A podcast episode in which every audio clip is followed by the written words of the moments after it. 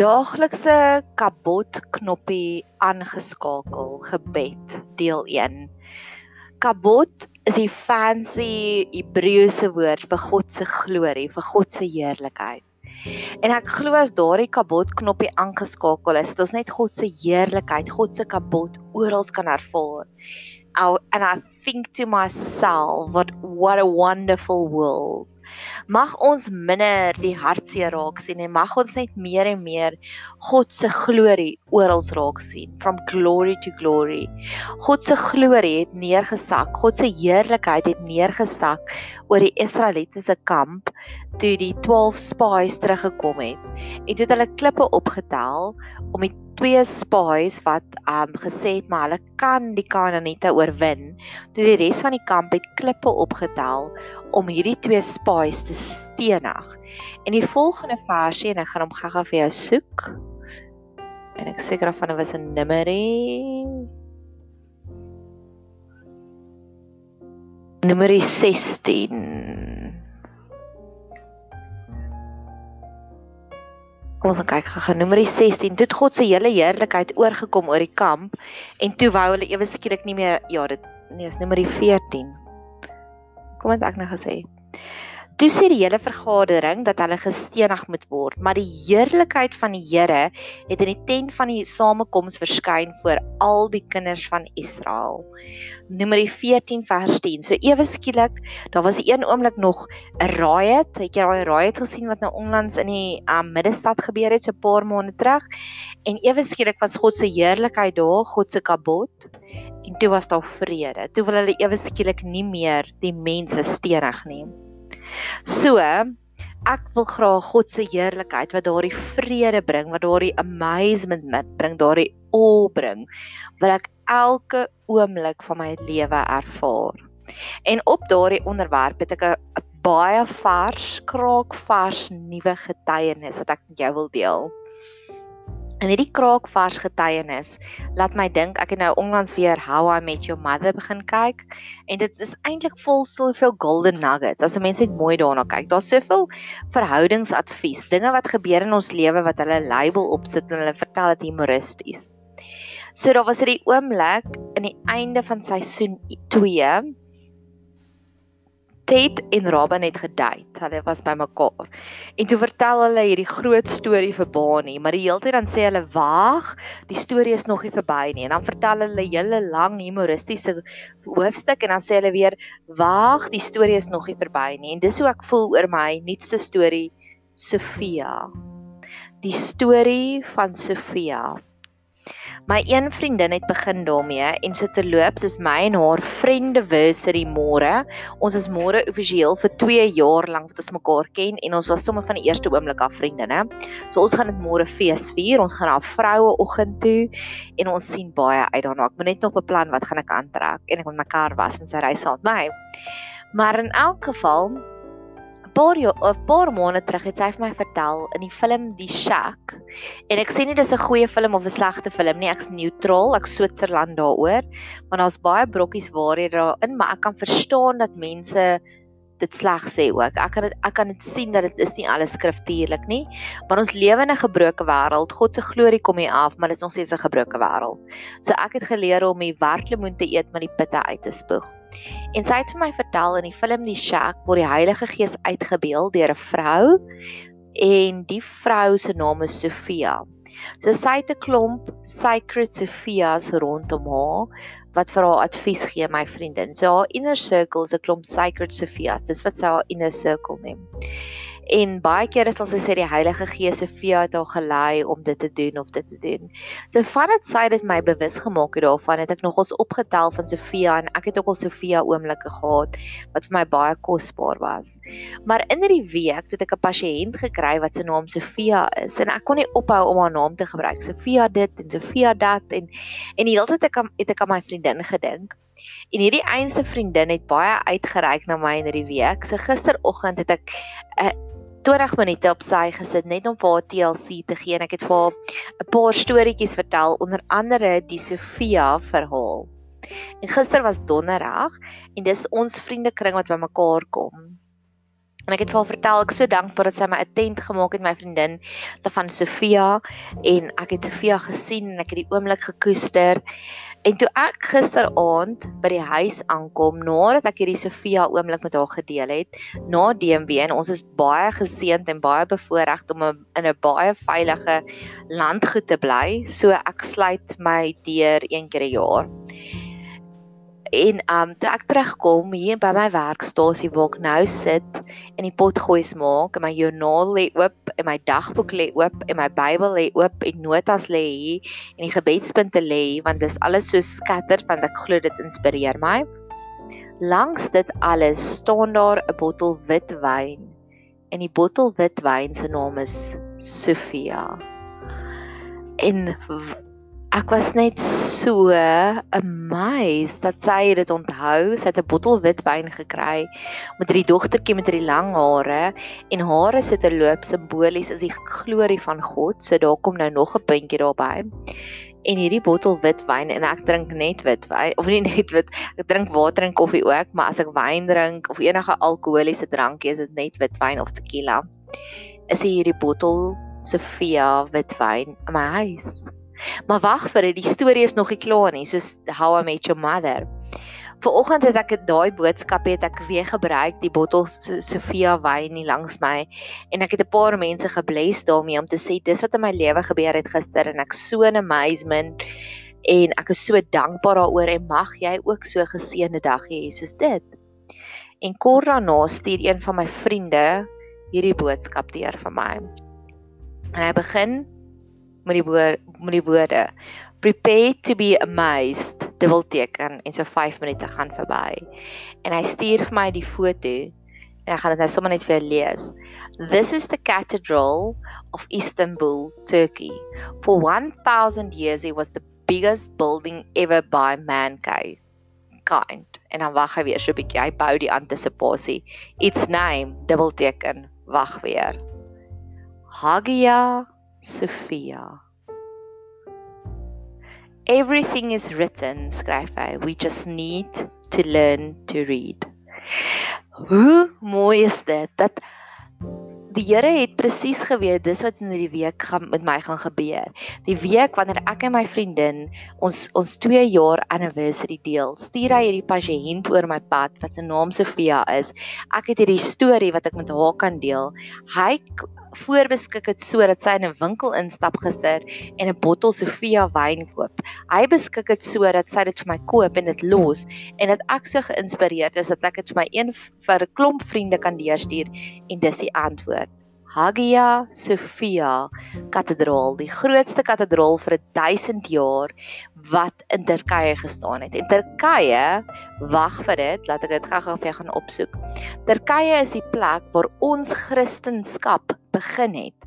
Turkye Antioch is in Turkye. Philadelphia, die kerk wat die famous kerk van broederlike liefde en openbaring was in Turkye. Lydia van Thyatira, daai Thyatira was in Turkye. Smyrna, een van die kerke waarin die openbaring geskryf is, was in Turkye. Pergamum, ook een van die kerke was ook in Turkye. Lystra, daar waar Paulus amper um, gestenig is, was ook in Turkye. Iconium, ook 'n plek wat ook gebeur het, was ook in Turkye. Ek kan nie nou onthou wat dit daar gebeur nie. Hoe profound is dit? Hoe mooi is dit? So mag God ook daardie daaglikse verwondering knoppie in jou in aanskakel dat jy stories het om te vertel wat wat multiple hoofstukke het van hoe amazing is hierdie storie. En mag God ons oë aanraak sodat ons hierdie verskeidenheid van hoofstukke kan kry. Soos Grey's Anatomy is nou al by se season 16. Mag ons 16 reekse van Sofia skryf of van enige ding wat jou tikkel. En die kabot dit nou droppie penny by my ook. Kabot is ook een wat al verskeie hoofstukke in my lewe afgespeel het. So mag alles wat God vir ons gee, sulke multiple veelvoudige dink ek is in Afrikaans en ek het nou sim, slim geraak multiple veel veelvuldige hoofstukke van al die dinge wat ons hartsnare aanraak. So die eerste storie wat ek vir jou wil vertel is die wonderlike voorreg en verantwoordelikheid wat ons het to choose life.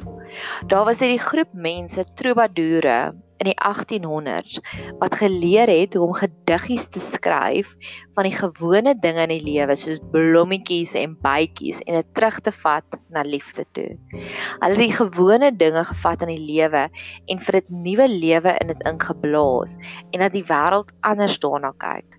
Laurika Rao skryf ook hierdie het ook hierdie liedjie van die straat troubadoure en die straat troubadoure se of enige troubadoure se se spesiale human superhuman power, superhero power was om gewone dinge te vat en 'n ander lewe daarin te blaas. En hulle het gewone voorwerpe gevat en dit gerebrand amper. En net so glo ek ook met elke situasie in ons lewe, het ons hierdie potensiaal om dit te rebrand. Ek wil gou-gou vir die lirika lees van Straatroepadoere van van Lirika Rag. Tussen die donker geheime van die nag speel die straat troubadoure. Konka konsertos vir die Suiderkruis Melkweg en Maan. Hartseer konsertinas vir die gloeikool ballerinas van die straat troubadoure. Wie het ooit gedink as jy na braaivleisvuur kyk kan jy die gloeikool ballerinas daarin sien? En die prinse van die Boondu die Gramado Labundu verlang en die vure in hul oë wys waar die Diksy land paradys hang. Is dit nie net so mooi nie? En ek het een verhaaltjie wat ek vir jou wil vertel van sit 'n nuwe label op alles in jou lewe. Ek het nou onlangs reis ek saam met iemand wat deur 'n trauma gewerk het. Sy's 'n jong vrou en sy het 'n beroerte gekry en die beroerte het gemaak dat jy dat sy vir 'n hele paar maande, sy was vir lank in die hospitaal, toe sy in 'n step down kliniek gegaan. Nou kry sy tuis rehabilitasie, maar sy kan nie meer werk nie. En een van my gunsteling speletjies wat ek met haar wil speel, wat ek met haar speel is om te sê, "Maar maak 'n lys van die dinge wat tans in jou lewe gebeur het as gevolg van die beroerte. Wat is beter in jou lewe na die beroerte. Sy was in 'n toksiese verhouding voor die beroerte en toe na die beroerte, tydens die beroerte, het die persoon haar nie geondersteun nie en die verhouding het verbrokkel, maar dankie tog vir die beroerte want baie keer kom 'n trauma en hy ruk ons fondasie so dat ons besef maar ons huis is op die sand gebou. Andersins gaan jy vir ewig aanhou en aanhou en aanhou om in daai huis te bou en geld te investeer en die storm gaan kom en haar huis gaan val. So laat die storm eerder vinnig kom as later.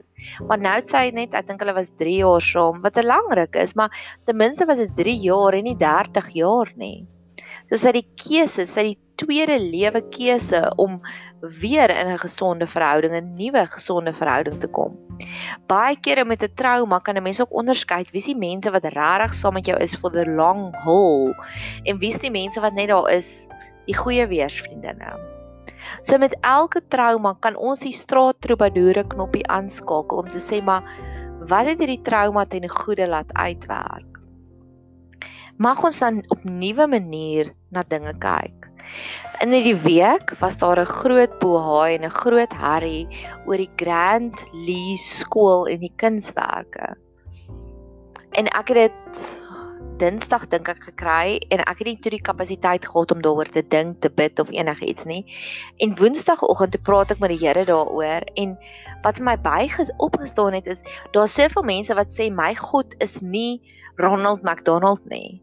En ek het dit omgedraai en toe sit ek 'n post op ons Facebook op ons bedieningsbladsy en toe sê ek Goed, jy sê jou God is nie Ronald McDonald nie, maar wie is jou God? Wat is jou God vir jou? Is hy jou bulletproof vest? Is hy jou lekker koppie warm sjokolade met klein marshmallows bo-op vir jou siel? Kom ons leer om in daai slegte situasie iets goeds daaruit te sien. Want net God kan 'n slegte situasie vat en dit ten goeie laat uitwerk. Daar's 'n storie in die Bybel in die middel van die Bybel wat geskryf is deur Jeremia. En Jeremia was die doom and gloom profeet. Jeremia het aangegaan om die mees depressiewe boek in die Bybel te skryf, klaagliedere. En dis 'n boekie wat hy net al die klaagliedere vir God stuur, al die lamentations om te sê dit is so sleg in my lewe. Kyk hoe sleg gaan dit in my lewe. Maar hy het met rede gehad om dit te skryf.